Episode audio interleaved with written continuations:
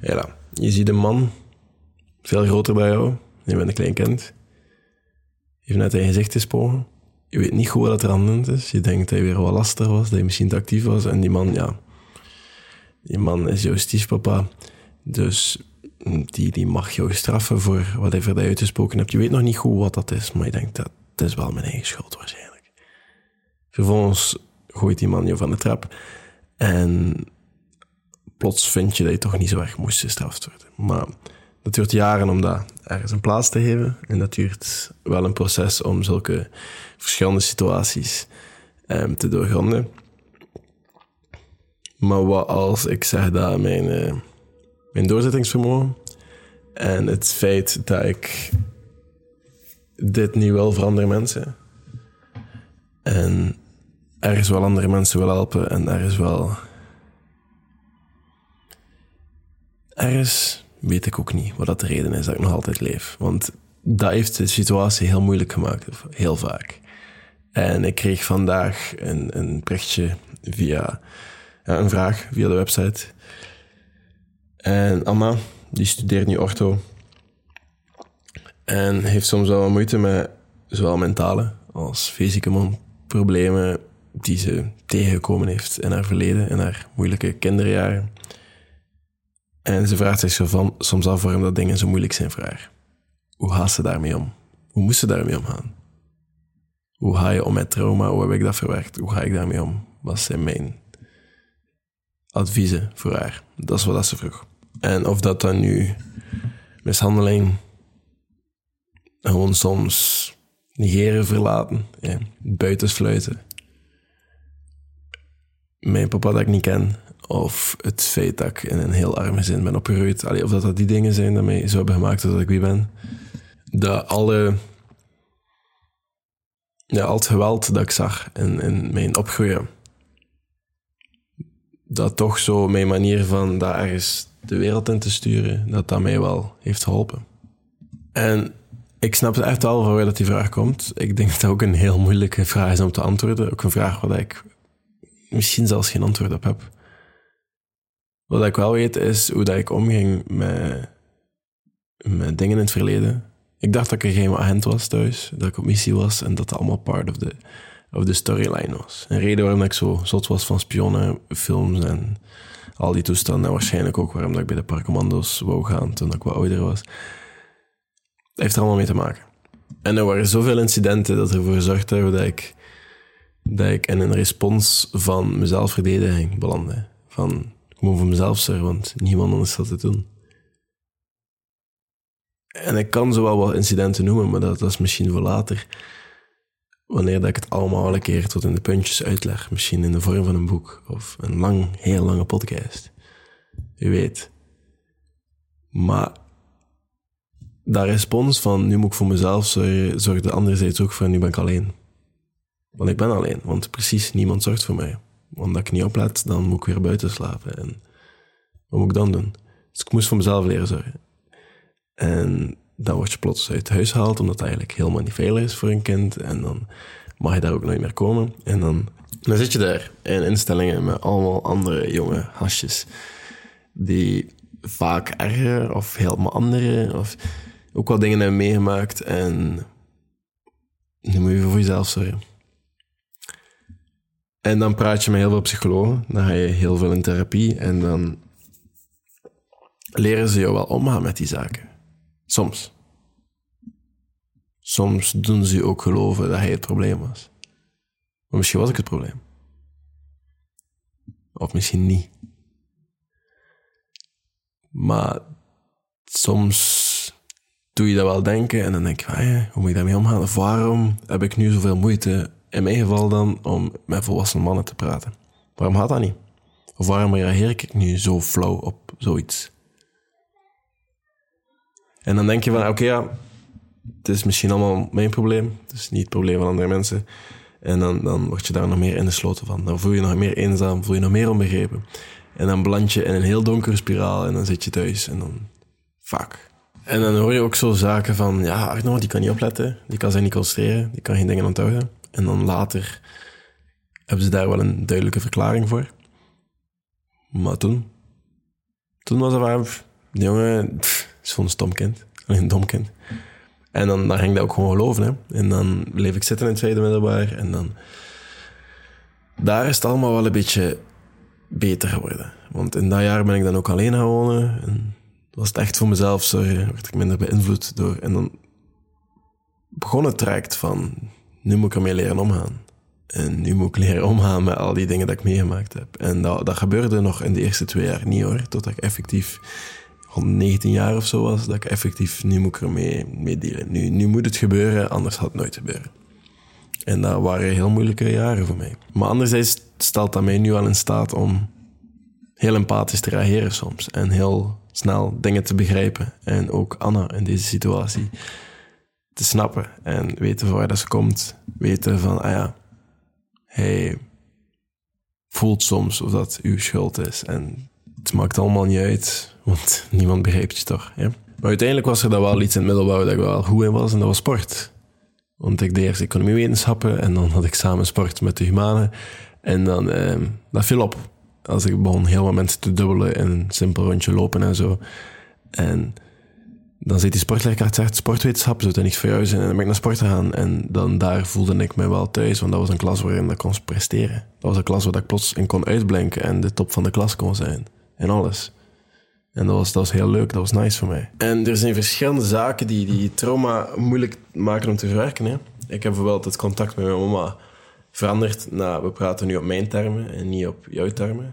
En dat is heel moeilijk als zoon om dat te doen. Van, relatie met een van je ouders van, weet je, ik kan niet meer op een normale manier met je communiceren als hij het niet doet op een duidelijke, normale, allez, op mijn manier, op mijn grenzen. Dit zijn mijn limieten, je bent er al veel te vaak over gegaan, dus nu doe het zo. Ik wil jou mijn contact niet afpakken. Ik wil dat je nog altijd op de hoogte bent waarmee ik bezig ben en wat ik doe. Maar ik deel dat op mijn perken. Ik deel dat op mijn manier en ik deel dat met jou wanneer dat ik daar klaar voor ben en wanneer dat ik dat gaat voor mij. En waarom? Omdat, mijn, omdat die relatie voor heel wat problemen heeft gezorgd in mijn verleden. Voor heel wat trauma, waarschijnlijk ook. En dat moet nu gewoon anders. En ik denk dat ik nog altijd niet volledig geheeld ben. Dat dat nog altijd een heel proces zal zijn en zal zijn. Ik ben nu net afgestudeerd als eerste in mijn familie. En dat was ook even van, ah ja, juist, ik kom vandaar. En dat is een heel verwerkingsproces. Want plots kreeg je weer zo'n manipulatief berichtje van iemand uit het verleden. Dat je denkt ah je leert dat dan normaal op, want nu heb je dat geleerd en je kan ermee omgaan. En je leert dat ook aan andere mensen. Je helpt dan ook, je begeleidt dan ook. Dat is nu ook je job. Maar toch, toch achtervolgt je dat. En toch houd je dat dan plots weer bezig van, allee, moet dat nu weer naar boven komen. En dat is volgens mij ook trauma. Dat is volgens mij ook traumaverwerking. Dat is soms van die kleine monstertjes dat er boven komen gluren. Van, hé, hey, wij ons al vergeten. Kom een keer terugkijken. En ik denk dat heel wat mensen triggers hebben en problemen hebben om te vinden. En again, ik moet wel even heel duidelijk staten. Ik praat nu uit ervaring en niet uit als expert. Maar er zijn heel wat triggers. Ik heb ik woon nu ergens waar dat er hier nog heel veel tienermeisjes, tienerpooier-slachtoffers hebben verbleven. En die meisjes konden niet op straat. Die gingen oude klanten tegenkomen. Die gingen iets tegenkomen dat hen liet denken aan een situatie, aan een trauma waar ze, even, dat ze daar niet klaar voor waren. En op die manier leven denk ik dat heel vermoeiend is. Dat vraagt superveel energie. Hoe ga je daarmee om? hoe ga je ermee om dat er sommige dingen, omdat je daar precies, omdat je, niet meer kan scheiden van elkaar. Dingen die je meegemaakt hebt, dingen die nu omgaan in de wereld, je kan dat precies niet meer scheiden. Hoe doe je dat wel? Want je gaat nu naar de winkel en jij ziet, ziet er last staan en dat je denken aan een bepaalde situatie dat zoveel jaar geleden gebeurd is. En je kan precies dat glas niet pakken zonder eraan te denken. Ik denk dat dat heel vermoeiend is. Ik denk dat dat iets is dat heel veel mensen niet bij stilstaan, volgens mij. Dat er sommige zaken gebeuren in sommige mensen hun leven dat zoveel gevolgen hebben. Of veel ouders, heel veel ouders, die hebben niet door dat hun kind daar twintig jaar later nog last van gaat hebben. Of nichtjes of neven, en dat die dan iets doen. En dan twintig jaar later komt nog altijd boven in maat. Wij zijn, wij zijn heel onbedachtzaam op dat vlak soms. En dat is oké. We zijn allemaal, we maken allemaal fouten, we doen allemaal verkeerde dingen. Maar voor sommige kinderen is dat vaak heel veel en vaak te veel.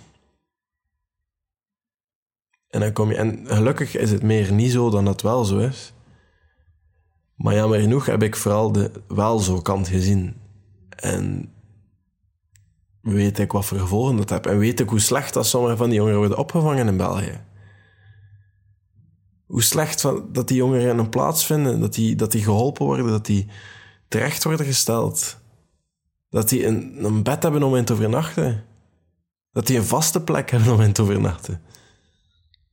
Hoe slecht dat, dat geregeld is, dat systeem. En dat allemaal helpt niet bij hoe ga je om met trauma.